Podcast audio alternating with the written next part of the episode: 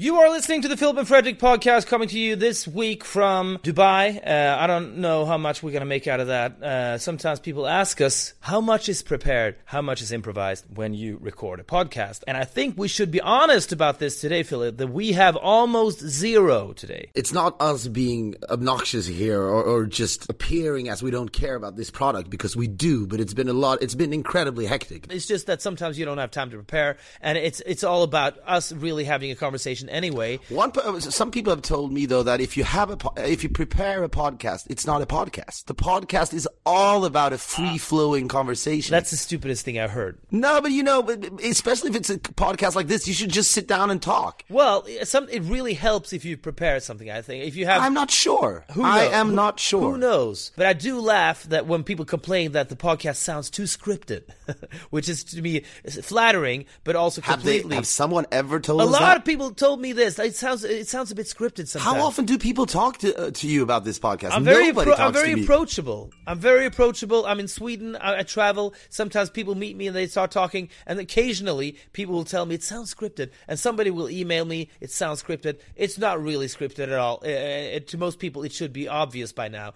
But what we did have this time was just a glimmer of a thought. We're in the plane. We're you're trying to watch the movie Selma. I, you you have claimed that you've seen this film before. It turns out pro- that's probably a lie because now it it turns out that you haven't seen it. No, I have not seen it. No, but I have many, not seen you've told me many times before that you have seen it. But some movies you think you have seen.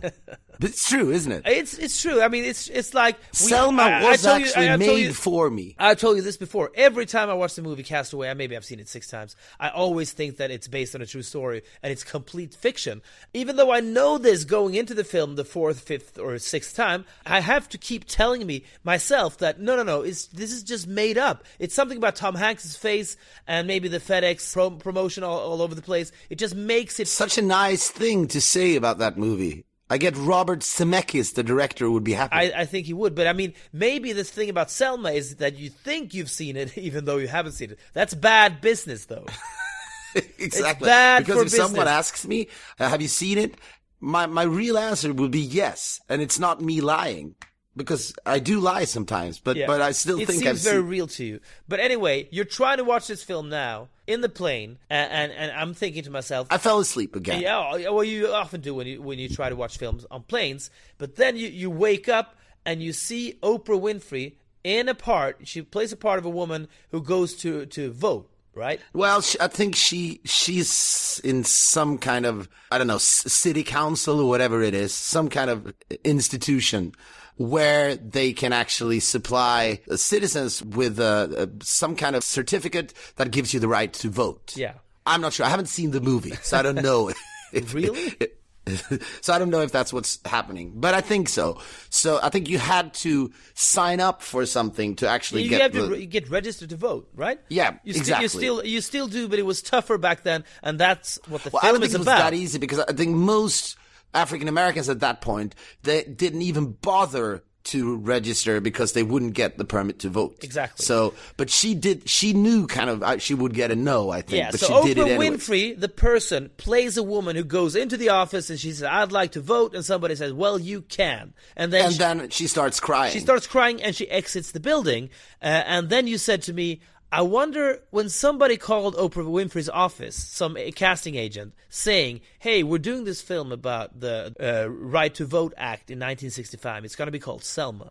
Do you think Miss Winfrey would be interested in portraying a woman who tries to register to vote and fails and starts crying?" And then you said, "That's the easiest call to make in the history of the world because you know that she will accept this." I think it, it was a even I think they just laughed before they called her. They they was they well, were sometimes so when you're sure. trying to call Oprah Winfrey, it's going to be okay. Who's going to take the call? We got we need uh maybe we need get get Elizabeth in here. She's good with you know with, hard calls. I mean, I, I probably in Hollywood there's constantly this resistance to making calls because you know that people will turn down stuff. Yeah. You know, I have this script. Could we call Brad Pitt's people? Could Yeah, we and, po- uh, call- if you're a go-getter, you call people and you hope for, for the best. But sometimes you just know that. I mean, you and I once had a pilot that w- we we heard was going to be shown to Oprah Winfrey, and and it did nothing nothing came of it. But just the idea that that cassette, as it was at the time, or a disc, is in the same building as Oprah. She's that powerful. She's that you know all over the place. But we've all, we we've often laughed at you know the the the way, especially in the U.S.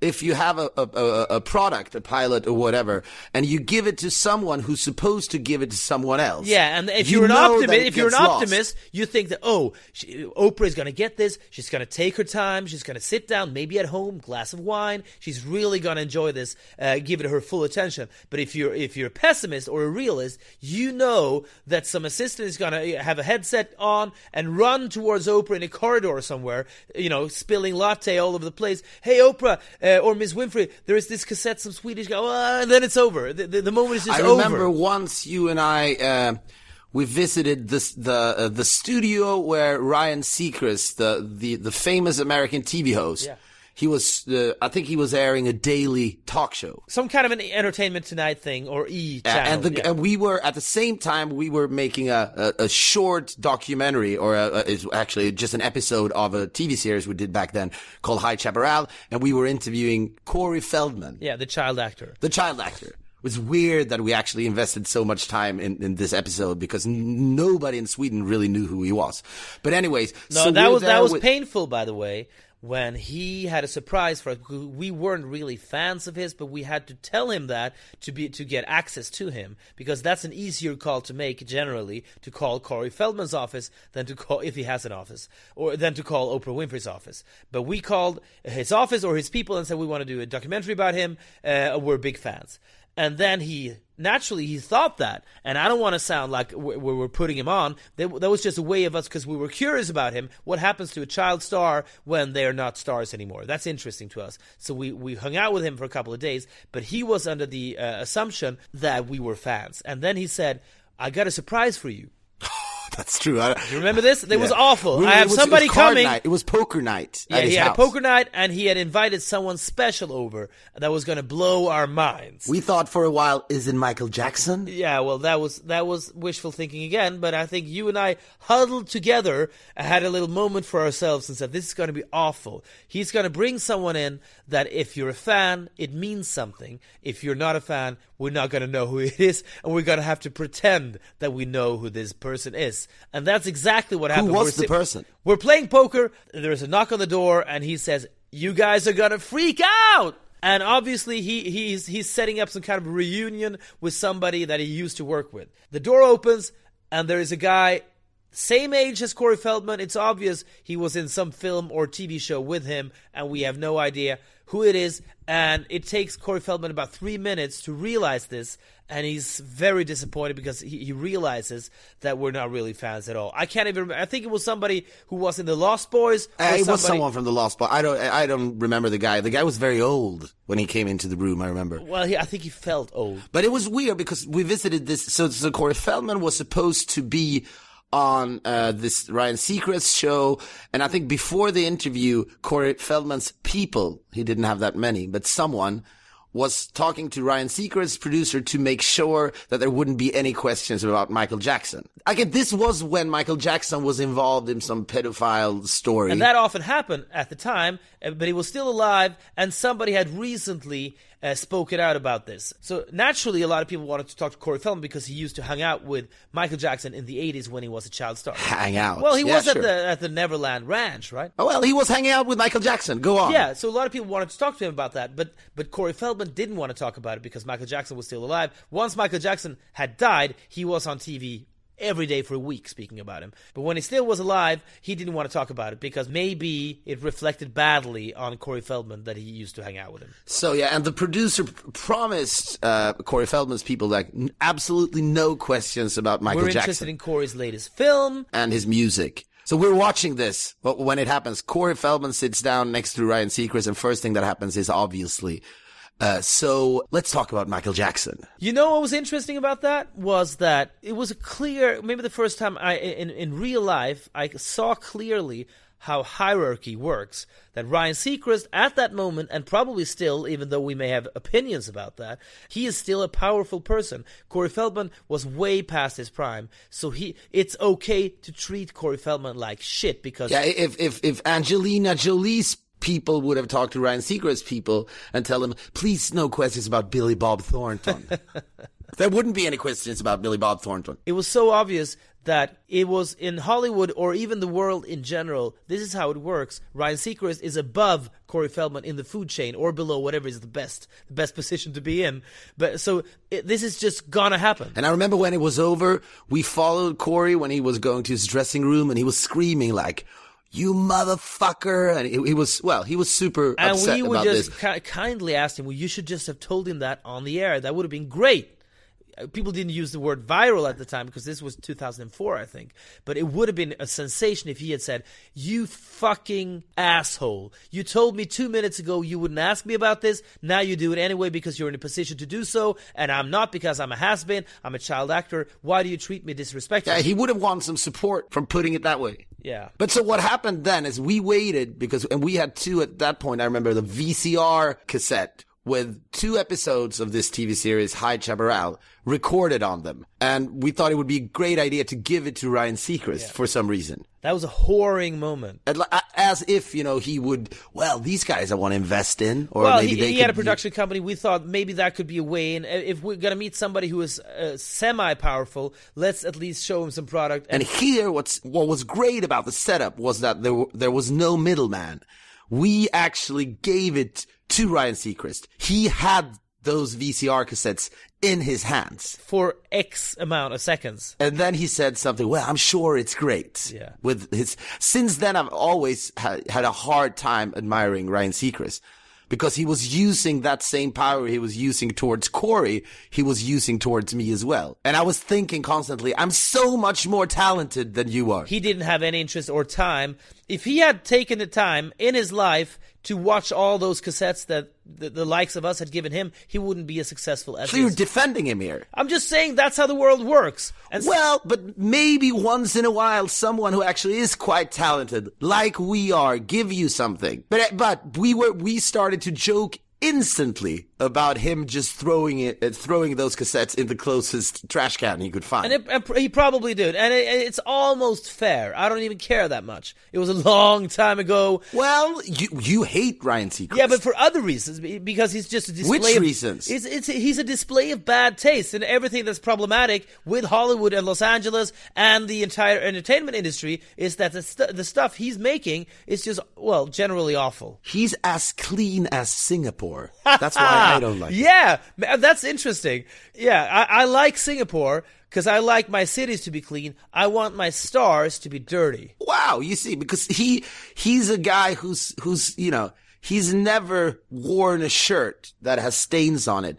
He has absolutely no pubic hair left on his body. Well, a lot of people shave those He off. has but I- no hair under his armpits. sometimes you compare really clean people. You have an old analogy that you will that you will succumb to, and it's that you, you compare really clean men's asshole with apartments. Well, yeah, if you look at these new, newly constructed lofts, like New York City lofts, or even better, like a hotel room at the Mandarin Oriental in New York, facing the park. Yeah. That's as clean as it gets when it comes to a hotel room or an apartment.